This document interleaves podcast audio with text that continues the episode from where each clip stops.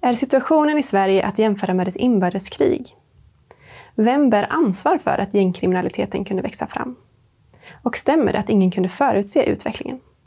Det är frågor som vi ska prata om i det här avsnittet av Veckans Nyheter.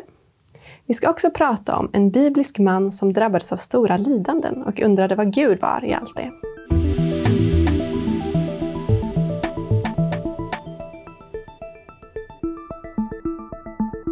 Varmt välkomna till det här avsnittet av Veckans Nyheter med mig Sara Andersson och bibelläraren och ledarskribenten Sven Almqvist. Tack för det. Ja, vi ska börja med att prata om nya aspekter av den tragiska mm. utvecklingen med gängvåldet. Just det. På onsdagskvällen sköts två personer till döds i Stockholm, varav det ena dådet skedde vid en idrottsplats där barn höll på att träna fotboll. Mm. Och tidigt på torsdagsmorgonen så dog en kvinna i 25-årsåldern efter en kraftig explosion i ett bostadsområde norr om Uppsala. Och den här kvinnan tros inte ha varit måltavlan utan tros bara varit en granne till en anhörig till mm. gängledaren Rawa Majid. Så vad, vad säger du om det här senaste? Först en stor sorg och delaktighet för de som, som det berör på ett speciellt sätt. Och som, som vi förstår nu så är det ju även oskyldiga som ju dör nu. Alltså det är inte bara gäng mot gäng. Nu plötsligt så drabbas ju alla som är, lever bara nära det. Så våldet kommer ännu närmare eh, och vi får aldrig vänja oss vid det utan varje dödsfall måste vi ta än en gång på allvar. Men jag tror att det börjar växa fram någon nästan eh, folklig vrede här nu. Nu får det bli stopp, kosta vad det kosta eh, vill faktiskt. Mm. Men stor sorg också över att en 25-åring som du nämnde om här, alltså, och också nära barn.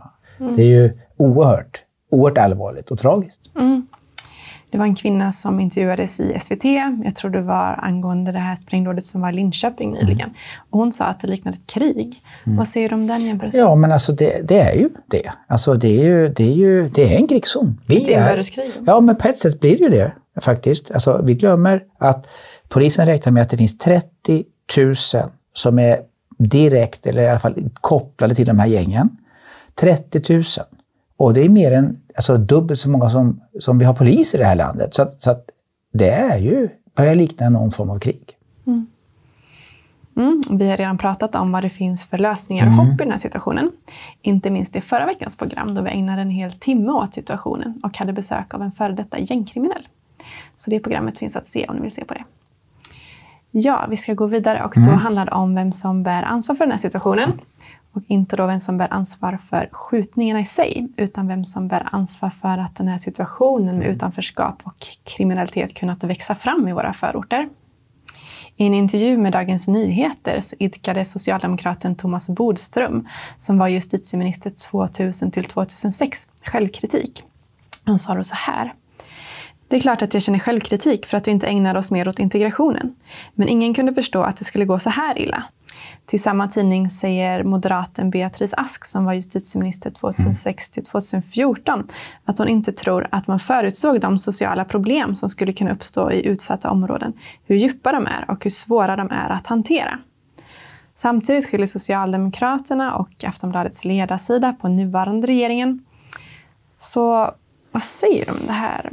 Vems är felet? Jag vill påstå att alla har ett mått av ansvar i den situation vi har. Självklart. Även vi? På vilket sätt har vi ja, ansvar? Menar äh, vänta en sekund så kommer jag till det. Alltså, det jag vill säga först är att det är alltid den som utför våldet ytterst sett som direkt har ett ansvar. Den som skjuter, ja. även om du är 15 år. Jo, men för att det här kunnat växa fram. Jo, ja, men så är det. Va? Men det, till syvende och sist, det är så lätt den här gången att vi har det på den nivån. Det är ju den som begår brottet som ytterst sett gör ett grymt moraliskt fel. Alltså. Jo, men finns det någonting politikerna så är det. Eh, så är det. Sen, jag vill bara säga att det är det första som mm. är ansvaret. För du frågar vem som är ansvarig, det är den som mördar som ja. är ansvarig. Och men två, nu var frågan vem som är ansvarig för att det här kunde växa fram, jo, utanförskapet och gängkriminaliteten. Då är det ju självklart de politiska beslut som historiskt har fattats, där vi har tagit in så många människor, vilsna ungdomar, och inte tagit hand om det på rätt sätt, inte kunnat absorbera det i vårt samhälle.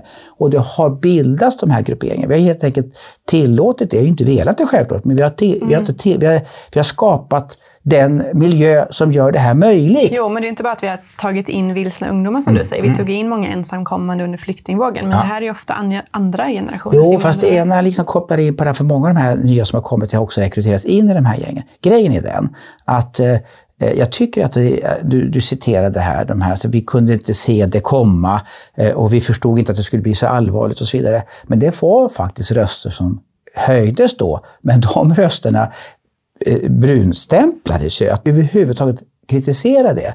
Så att, eh, sen menar jag att bägge två, eh, både moderater och socialdemokrater, kanske speciellt är ansvariga ytterst sett för detta. Det är två stora partier som, jag menar, eh, vi ska öppna våra hjärtan, eh, sa ju Reinfeldt. Vi ska öppna våra hjärtan. Ja, men vi ska inte släppa vårt förstånd. Och det är väl det vi gjorde. Vi öppnade hjärtat. Det är inte fel att öppna ett hjärta. Det är bara det att man får inte tappa förståndet. Mm. Och om man ska sammanfatta någonstans. Så, så det är lite pajkastning tycker jag här. Det är ju ganska patetiskt. Alltså det, det förändrar inte situationen. Frågan är vad gör vi nu? Mm. Din ledarskribenskollega Stefan Gustafsson beskrev utvecklingen som om Sverige har gått från Bullerby till barnsoldater. Mm. Vad säger du om den beskrivningen och vad är verkligen Sverige så mycket bättre för? Alltså han skrev, han skrev ju så balanserat och fint som vanligt. Va? Eh, eh, en annan är ju mer slugger i mina, mitt sätt att kommunicera. Men grejen är den att det var, det var väldigt bra. Väldigt bra ledartext. Där han ju också, tyckte jag, lyfte fram en aspekt som jag, wow, redan då, redan 1975, så hade man i riksdagen en debatt om invandring och integrering. Eh, och det mynnade ut i en skrivelse som, som jag, jag har läst den tio gånger. För den är så häpnadsväckande så att jag visste att du skulle ta upp den här frågeställningen. Så jag skrev ner den och där står det så här, citat, att det handlar om minoriteter nu då. De har, citat, möjlighet att välja i vilken mån de vill uppgå i svensk kulturell identitet eller bibehålla och utveckla den ursprungliga identiteten. Det vill säga, det, det är minoritetens egna val hur mycket de vill integreras eller inte. Och så sitter vi här några decennier senare. Jo, men skulle du inte själv vilja behålla din svenska identitet om du flyttade till Saudiarabien? Du, om jag, om, jag, om, om jag är i en krissituation och Saudiarabien öppnar upp eh, och räddar mig i en svår situation, så vill jag behålla min identitet, men jag måste också visa tacksamhet och respekt för det land som öppnar upp och räddar mig. Och här tror jag någonstans att det finns en, en besvikelse. Alltså att vi bör ju, vi, var, var finns, varför finns detta nästan hat mot det svenska samhället och vår kultur? Eh, du kan få behålla din kultur och få behålla eh, din profil och så vidare. Men också visa respekt för det land som ändå öppnade upp för dig. Och där någonstans tror jag det finns en djup, det där får man nästan inte säga i Sverige, men alltså, jag säger inte att du ska stå med mössan i hand och bocka, men kan, alltså någon form av tacksamhet. Tack att vi fick komma hit. Nu finns det många som gör det. Men ganska många har inte. Man har ett hat mot Sverige. Och jag tror många nästan är chockade över det. Mm.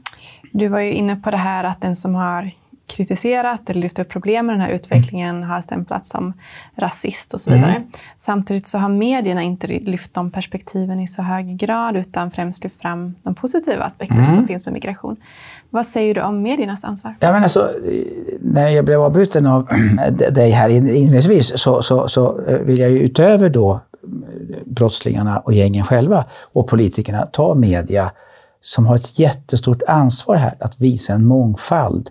Eh, och jag brukar ibland tänka så här, om jag får ta en bild, och kanske inte blir avbruten, så, så är det så här att om sanningen är en meter, och vi, bara för tankens skull, nu, sanningen är en meter och 75 procent är svart och grått, 25 procent är grått och vitt.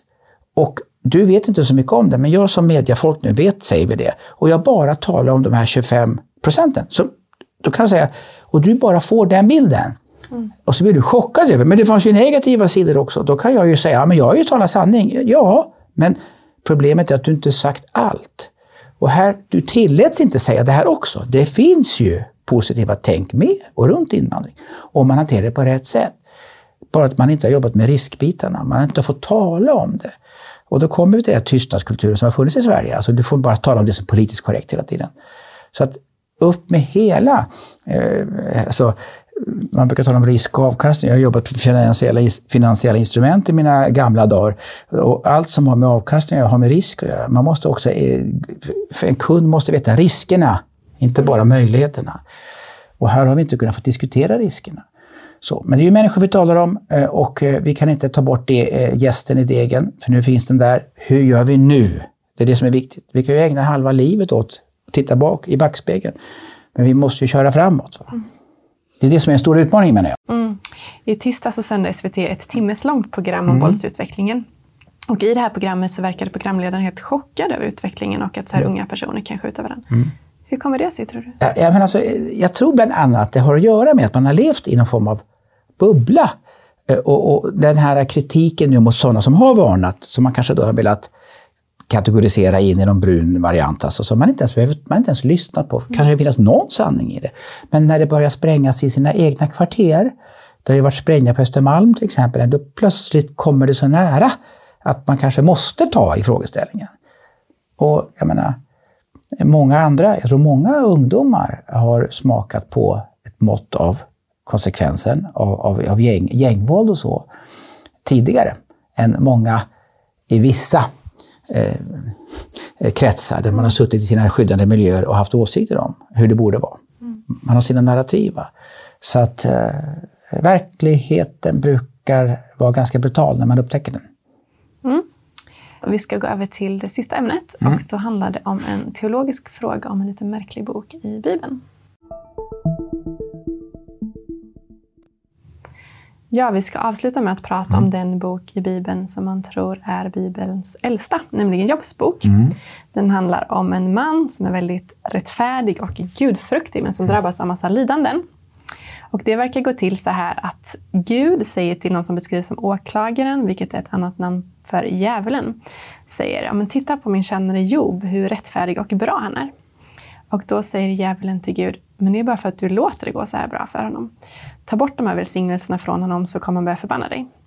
Och då går Gud med på det och säger till djävulen, okej, okay, gör vad du vill med honom så länge du inte dödar honom. Och då drabbas då Job av massa lidanden. Mm. Hans tillgångar förstörs, hans barn dör och han drabbas själv av en sjukdom med massa bölder. Hur ska man tolka den här boken och varför lyssnar Gud på djävulen? Den här boken är ju oerhört fascinerande och vad, vad bra att den finns i, i Bibeln. Eh, för eh, den här bok, boken är också, så långt teologerna ser, inte judisk i sin kontext, utan den kan vara en allmänmänsklig erfarenhet. Eh, vilket i sig är fascinerande. Men du tror ändå att det bygger på en specifik händelse att Jobb var en person? Alltså, vi får, om vi tar texterna face value så ser det ut som så och det är ju en trosfråga. Eh, men oavsett det, jag tror ju det, men oavsett det så är ju det oskyldiga lidandet den fråga som verkligen är allmänmänsklig. Och oavsett vad vi, en tittare ser så, så är det ju så. Varför får oskyldiga lida? Det är ju det den här boken egentligen handlar om i 42 kapitel. Det är en ganska stor bok, en av de största faktiskt. Jo, men grundfrågan då, lyssnar ja, Gud verkligen till djävulen? Ja, men eh, låt oss bara göra så. Om du tar det utifrån Jobs sida så är han ju den då mest rättfärdiga mannen på hela jorden, enligt texten. Eh, och Gud själv säger så. Så det finns ingen som är som Jobb. Alltså, och ändå får han utstå, från, han vet ju inte vad som händer i ett annat spel, i det här fallet, då kommer ju åklagaren, eller Satan, inte djävulen, Satan står det faktiskt, Satan kommer och, och, och, och så säger egentligen Satan så här till, till, till Gud, att inte undra på att han tillber dig, för du har ju mutat honom. Eh, så att, så att han tjänar ju på att tillbe dig. Och då säger Gud, ja men så är det nog inte med jobb. Och så, så drabbas ju då massa saker som du själv säger, ekonomisk krasch, krasch i familjen, krasch i, i, i, hans egen hälsa, alltihopa. Och så utspelar sig ett långt spel, en lång dra drama, där jag brottas med varför. Varför? Alltså vad har jag gjort? Jag, han, han, tror inte att han är fullkomlig. Han säger, jag har gjort massa dumheter i, min, min ungdom. Säger. Men va, vad är det? Varför är himlen tyst? Och så kommer tre stycken kompisar till honom, tre teologer. Och det är varken Jesus eller, eller, eller Jobs boksförfattare så jätteglada för alla gånger. De kommer med massa förklaringar. Åh, det beror på det och det beror på det och så vidare. Så, och, och Job säger, men Gud, vad är du? I kapitel 38 kliver Gud in i stormvinden, enligt texten. Och, det, och då, det Gud gör är inte att han svarar på Jobs frågor. Varför? Utan Gud tar Job och så lyfter han upp honom. Och så säger han så här, var var du någonstans när jag skapade universum? Eh, eh, och hör du alla korpar som ropar efter mat på hela jorden? Och jag inser, vänta nu, jag är ju inte centrum. Det är bara den som är i mitten av allting som förstår allting. Utan det finns saker jag inte fattar. Eh, eh, eh, så säger jag så här, jag behöver inte få svar på alla frågor. Nu har jag mött dig. Så lidandets djupaste, eh, eh, djupaste lösning, det är inte att försöka få förstå allting. Det är att få göra ett möte, att det finns något större än mig bara för att jag inte förstår allting betyder inte det att inte Gud förstår allting. Mm. Men kan det inte vara viktigt att få svar från Gud? Och tror inte vi kan få svar på de här frågorna en gång? Det skulle i så fall vara den dag vi kliver in i evigheten. Jag vet inte om vi vill ha svaren då. Eh, och skulle det vara så... Ja, nu tror du det. Eh, och då kanske du får det. Eh, men Jobb, när han mötte Gud i kapitel 38, så sa han jag har bara hör, hört hörsägner av det, men nu har jag sett, nu har jag mött dig levande. Och då blir frågorna väldigt oviktiga. Och i slutändan så får, blir Jobb väldigt välsignad. Och, eh, men Gud är väldigt arg på, inte Jobb, utan arg på de där teologerna som kommer med massa förklaringar hela tiden. Eh, eh och försöker spela liksom Guds språkrör i varenda fråga. Men, så poängen är den, när vi lider så ska vi inte springa bort från Gud. Vi ska börja brottas med Gud. Det är den stora teologiska frågan. Mm. Ja, vi får sätta punkt där. Mm. Tack så mycket Sven för att du var med oss. Och tack till er som har tittat. Har ni förslag på andra frågor som ni tycker att vi ska ta upp får ni som vanligt gärna skicka dem till oss. Och vill ni stödja det här programmet kan ni swisha en gåva. Då kommer det lite information alldeles strax. Ha det bra!